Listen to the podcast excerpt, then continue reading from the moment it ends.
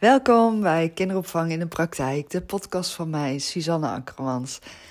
Enorm leuk dat jij luistert naar mijn podcast en ik wens jou heel veel luisterplezier vandaag.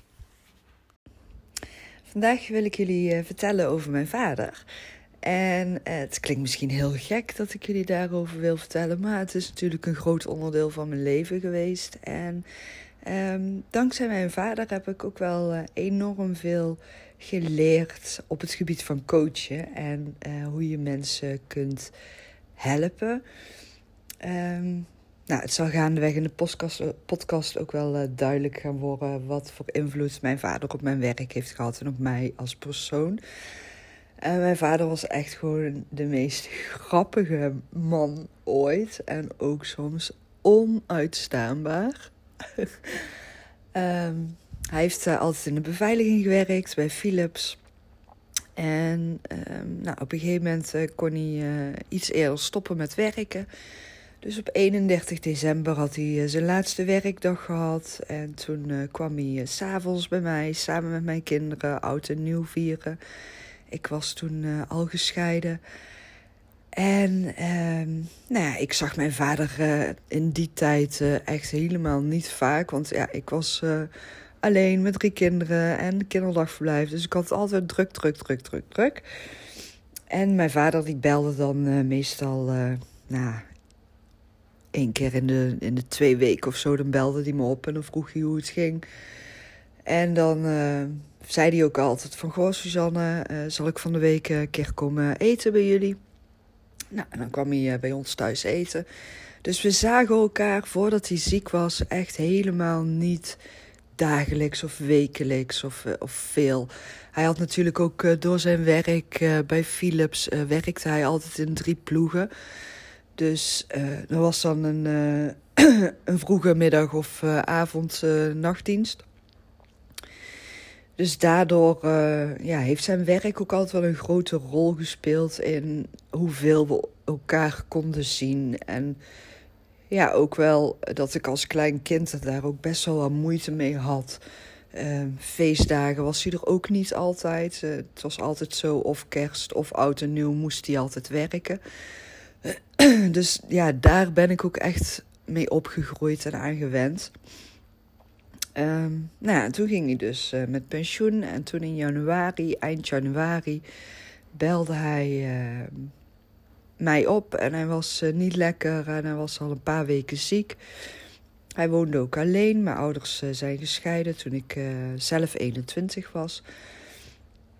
Dus ehm, nou toen ben ik naar hem toe gegaan. En toen ben ik eigenlijk best wel geschrokken. Want ja, hij, had, hij dacht dat hij buikgriep had, maar het, het, ging maar niet over. Dus vanaf dat moment zijn we elkaar uh, dagelijks, wekelijks uh, gaan zien en spreken. Want uh, dat is gewoon het moment waarop hij is begonnen aan een tienjarige reis van ziek zijn.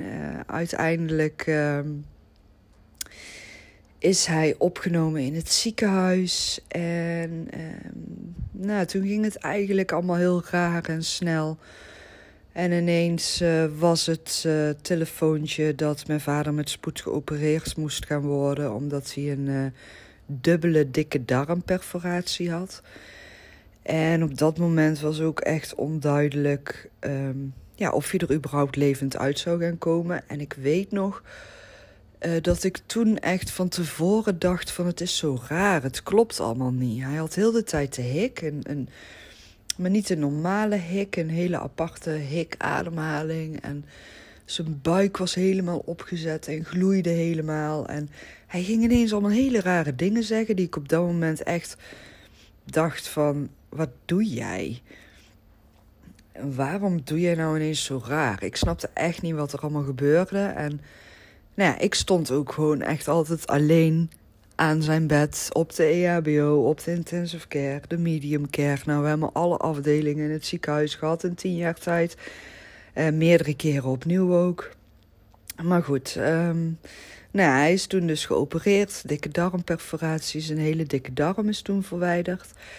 En toen ik hem toen op de intensive care mocht bezoeken na de operatie, dat beeld, ja, dat is me gewoon altijd wel bijgebleven dat was gewoon echt heel erg moeilijk. En ja, ik herkende mijn vader eigenlijk niet. En uh, ja, het was gewoon heel moeilijk, raar, zwaar. Ik was nog nooit op een intensive care geweest ook. Dus alleen dat al maakt dan al best wel indruk. En maakt je ook bang en verdrietig.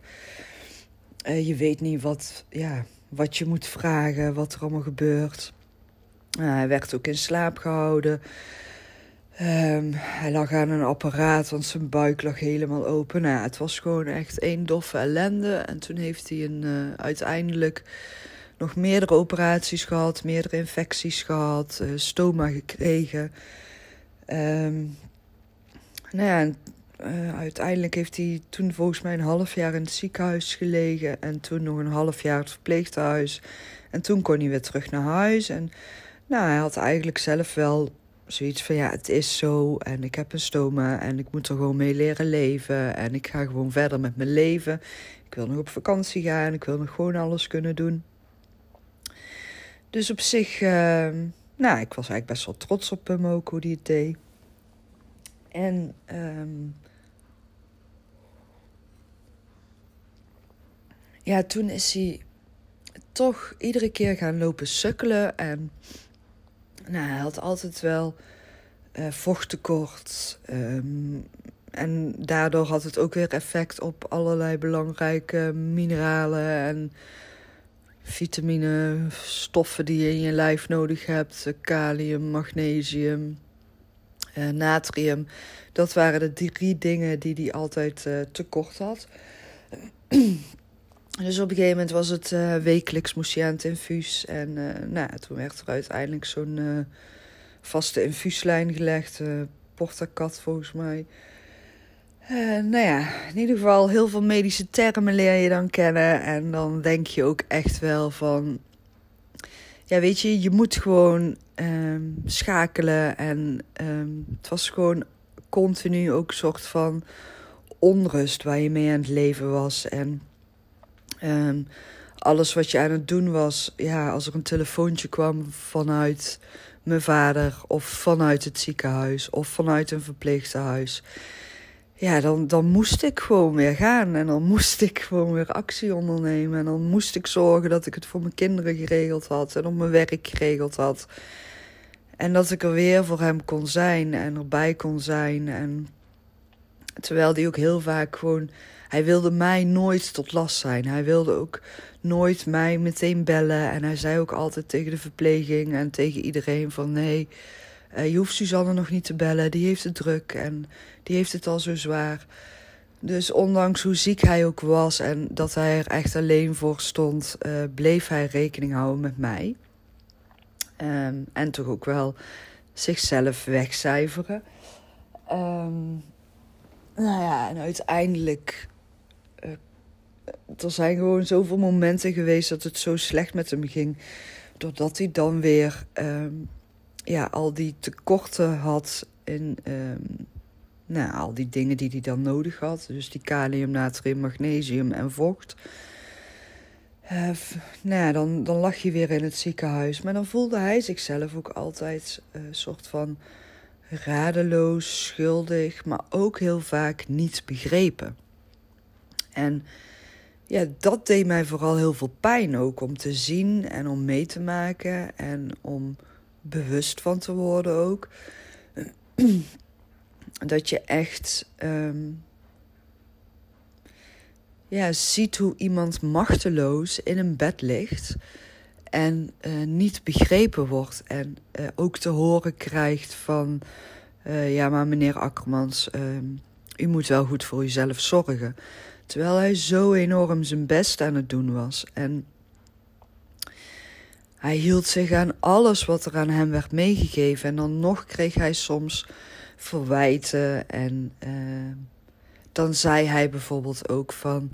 Ja, maar ik voel me gewoon niet goed. En dan kon er geen oorzaak gevonden worden. En dat, ja, dat maakte ook dat je een soort van bang en onzeker en eenzaam voelt. Maar ook dus dat niet begrepen voelen. En nou hij had dus die stoma. En uh, dat ging ook heel vaak mis. Die had ook heel vaak lekkages. Um, Maar met zijn dunne darm was er ook van alles aan de hand. Er zaten ook gewoon allerlei ontstekingen in. En eh, bij de allereerste keer dat hij dus een stoma had gekregen, toen werd gezegd dat hij dus de ziekte van Crohn had. Um, onverwachts op gaan spelen. Nou ja, ik weet nog steeds niet of dat echt het juiste verhaal is en de juiste diagnose is geweest. Maar goed, uh, ik ben geen medisch uh, onderlegd persoon, dus daarin moet je dan ook leren vertrouwen op de medische wereld. En nou ja, de medische wereld, daar heb ik toch eigenlijk weinig vertrouwen in. Uh, gekregen door alles wat ik met mijn vader heb meegemaakt. En ik heb er vooral ook door geleerd dat je echt, je moet echt vragen stellen. Het is zo belangrijk dat je vragen stelt, maar ook dat je opkomt voor jezelf als patiënt, maar ook opkomt voor de patiënt. En ik ga echt niet beweren dat de medische wereld slecht is, zeker niet. Maar ja, we hebben toch echt wel situaties meegemaakt waardoor ik dacht van waarom wordt er niet geluisterd? En um, nou ja, ik, ik ga gewoon even een sprong maken naar de laatste uh, dag dat uh, mijn vader in leven was. Ik heb er ook al eens een keer een blog over geschreven. Ik heb er meerdere blogs over geschreven ook. Um, maar dat, die avond had ik echt zo'n gevoel van... er klopt hier gewoon echt iets niet. En het, ik zie gewoon dat het niet goed met hem gaat. En hij had inmiddels ook nierdialyse... omdat zijn nieren uh, niet meer functioneerden. Uh, doordat hij dus al zo lang ziek was... en doordat hij al die klachten met zijn dunne darm had. En nou ja, dus hij moest aan een nierdialyse... drie keer in de week, vier uur. En dat was echt enorm intensief ook voor hem. En... Uh, ja, dat putte hem ook echt helemaal uit. Ja, en dat is ook heel moeilijk om te zien. Kijk, ik denk dat ik zelf pas echt ben gaan accepteren eh, dat hij ziek was en niet meer beter kon worden. Ik denk misschien een half jaar voordat hij kwam te overlijden, dat ik dat echt pas kon gaan inzien en beseffen en accepteren misschien. Dus ja, dan is iemand al 9,5 jaar ziek. En als je dan pas als kind zijnde ziet van... oké, hij gaat gewoon echt niet meer beter worden. En ik was voor hem aan het vechten, maar... ergens onderweg ben ik gewoon vergeten om aan hem te vragen... wat hij eigenlijk nog wilde.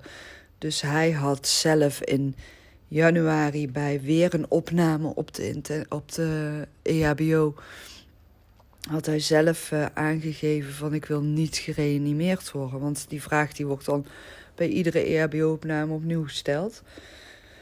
Um, en ik wist dat niet. Ik wist niet dat hij dat had aangegeven. Maar ik begrijp ook wel dat hij dat niet tegen mij kon zeggen. Um, maar ja, uiteindelijk was het dus de laatste avond dat hij in leven was. Zonder dat ik wist dat het zijn laatste avond was. Ik had wel echt enorm voorgevoel. Uh, toen ik het ziekenhuis in liep, toen dacht ik ook... oh, 10, 5, 15, dat is een mooie datum voor ons pap om te overlijden. Uh, en dat zou dus de volgende dag zijn. Dan zou het ook moederdag zijn. Heel raar. En toen dacht ik ook, jeetje, je moet zo niet denken. En um, nou ja, toen, toen ik bij hem kwam, toen had hij weer een uh, delier. en dat is dus dat je... Ja... Uh, soort van in je hoofd niets meer in de werkelijkheid bent. En dat je gewoon echt in jouw beleving denkt dat je ergens anders bent. En dat komt dus doordat er dan uh, ontstekingen in je lijf aanwezig zijn die echt van invloed zijn op je brein. Um, maar ja, dat heb ik dus gaandeweg in de loop van de jaren geleerd en ontdekt. Dus ik kwam binnenlopen en ons pap zei tegen mij... Goh, Suzanne, weet je wat de kamerhuur hier kost? Nou, toen werd ik gewoon eigenlijk gewoon geïrriteerd en boos. Want ik had die dag naar het ziekenhuis gebeld en ik was enorm moe. En ik wilde eigenlijk gewoon bij mijn kinderen zijn en even tot rust kunnen komen. En iedere keer werd er tegen mij gezegd van... Ja, nee, het gaat gewoon goed met je vader, we hebben alles onder controle. Maar ja, toen ik hem zelf aan de telefoon had... toen hoorde ik gewoon aan zijn stem dat het niet goed ging. Dus ik was toch s'avonds na het bezoek hier naar hem toe gegaan. En hij zat dus weer in de lier. Dus ik werd boos en ik ben boos die gang op gerend. En ik heb heel boos daar een verpleegkundige aangesproken. En als ik boos ben, dan kom ik echt heel erg uh, lomp en hard uit de hoek. Uh, ben ik ook zeker niet trots op. dus dat gebeurde op dat moment. En uh, nou ja, toen werd er tegen mij als eerste gezegd: Nou, ga jij eerst maar even rustig worden voordat ik uh, met jou in gesprek ga. Nou, dat was echt het compleet verkeerde antwoord wat je mij maar kon geven op dat moment. Dus ik flipte compleet. En toen uiteindelijk, uh, nou, rustig in gesprek uh, gegaan. En toen werd er, uh, heb ik de vraag gesteld van, ja, maar wat nou als ons pap komt te overlijden en jullie luisteren niet naar mij? Want ik voel dat het niet goed gaat met ons pap. En um, hoe kan het dat jullie niet zien wat ik zie?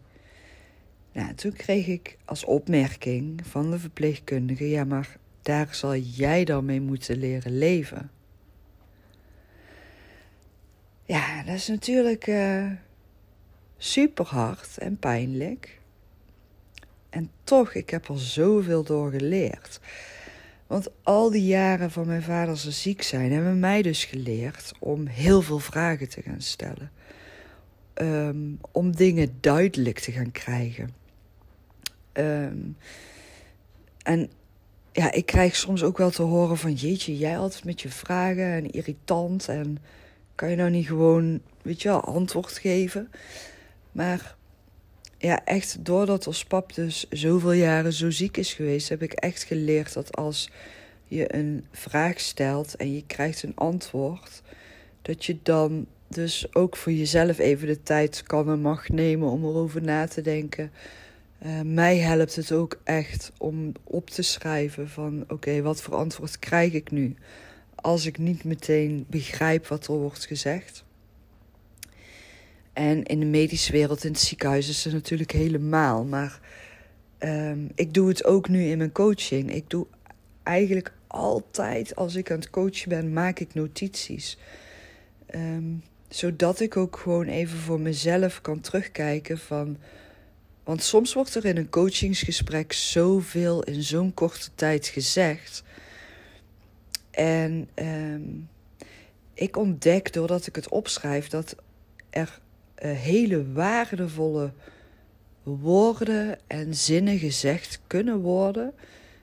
Waar jij soms heel makkelijk aan voorbij kunt gaan. En juist door het ziek zijn van ons pap heb ik zo geleerd om te luisteren. Wat zegt iemand? Te kijken van hoe voelt iemand zich? En ons pap was altijd eerlijk tegen mij over hoe hij zichzelf voelde. En we hoefden elkaar ook maar aan te kijken. En we wisten gewoon van elkaar van... Oké, dit is er aan de hand. Het gaat wel of het gaat niet goed. Um, dus dat is natuurlijk heel fijn dat we die band hadden en, en dat we ook elkaar daarin uh, heel goed konden lezen. Um,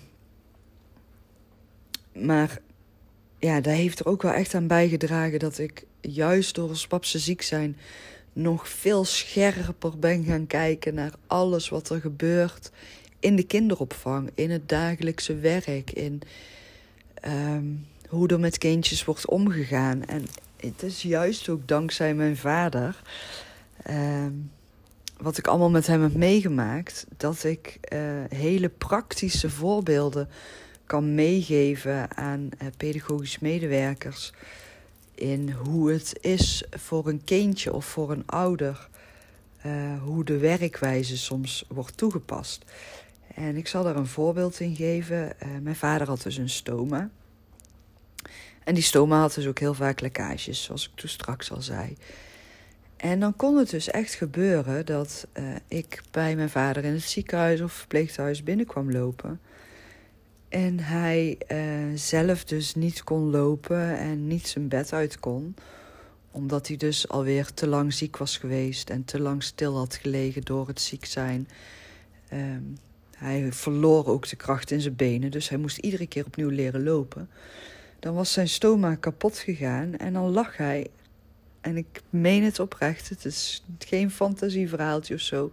Maar dan lag hij echt in zijn eigen ontlasting. En niks is zo verdrietiger dan je eigen vader aantreffen in zijn eigen ontlasting. Ehm, en dan ook de blik in zijn ogen zien, de machteloosheid en de schaamte ook, en het verdriet en de frustratie. En ehm, ik heb ook uh, heel vaak hemzelf dan verschoond, maar ik heb ook heel vaak de verpleging hem zien verschonen. En um, ik heb ook heel vaak hele mooie, geweldige verpleegkundigen meegemaakt. Die super, echt super waren voor mijn vader. Maar ik heb ook meegemaakt dat er verpleegkundigen waren die gewoon iets minder goed in mijn beleving waren. En die dan mijn vader aan het verschonen waren met z'n tweeën. En dan vooral met elkaar in gesprek waren. En uh, zeker, uh, ja, als je daar dan bij staat als kind zijnde. En je krijgt het allemaal mee en je ziet en, en ook hoe er um, ja, vanuit artsen soms gesproken werd tegen mijn vader, dan had ik echt zoiets van: nee, dit kan gewoon echt niet. Stel jezelf voor dat jij daar ligt. En er gewoon iemand naar je toe komt lopen zonder iets tegen je te zeggen of even jou aan te raken van ik ga jou nu verschonen.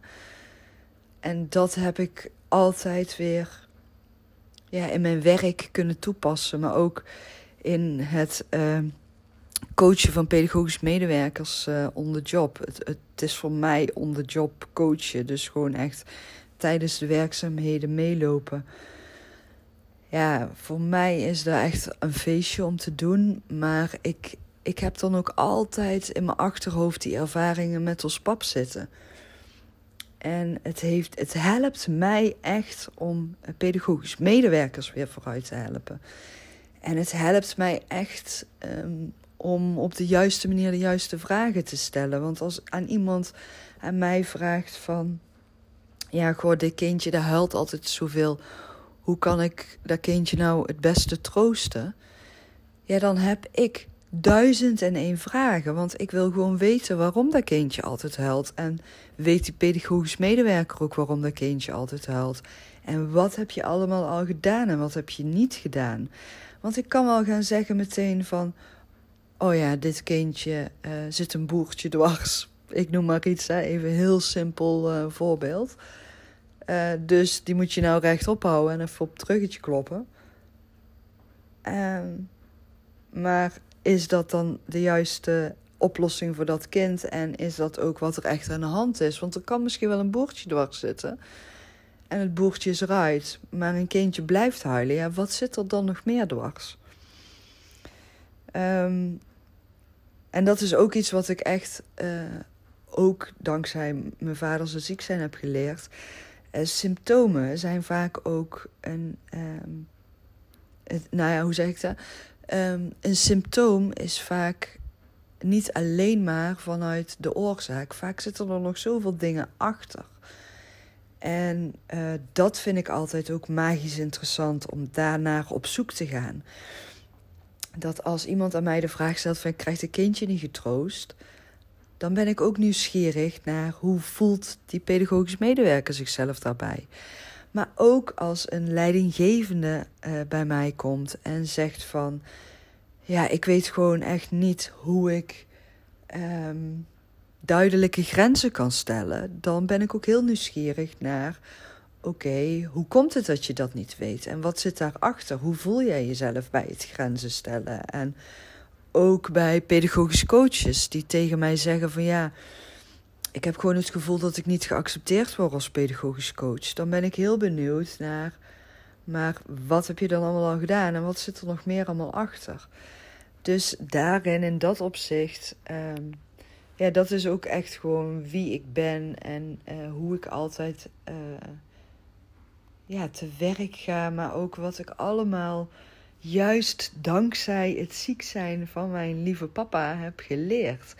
En dat klinkt misschien heel ja, vreemd of um, ja, raar misschien.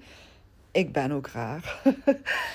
maar um, ja, ik haal altijd lessen uit de allergrootste tegenslagen die ik maar meemaak in mijn leven.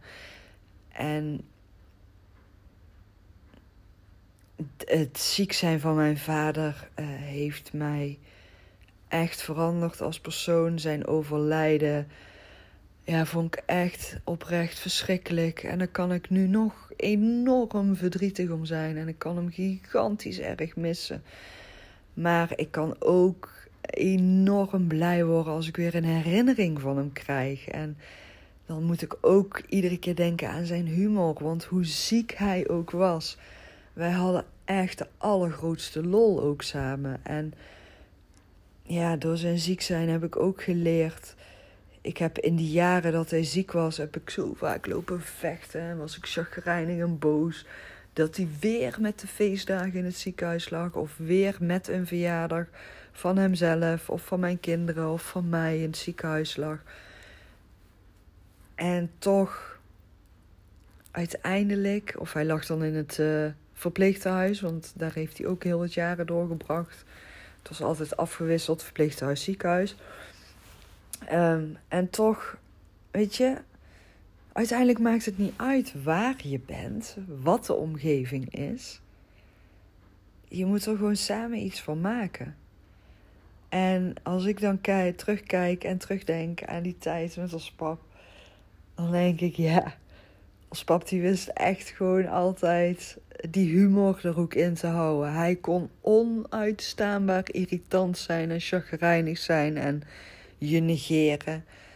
Um, uh, maar hij kon ook echt zo grappig zijn. En ja, ik heb samen met mijn kinderen ook echt de grootste lol met hem gehad. En we moeten er nog steeds om lachen. En 9 van de 10 keer dat we het over hem hebben, dan zijn het die grappige momenten.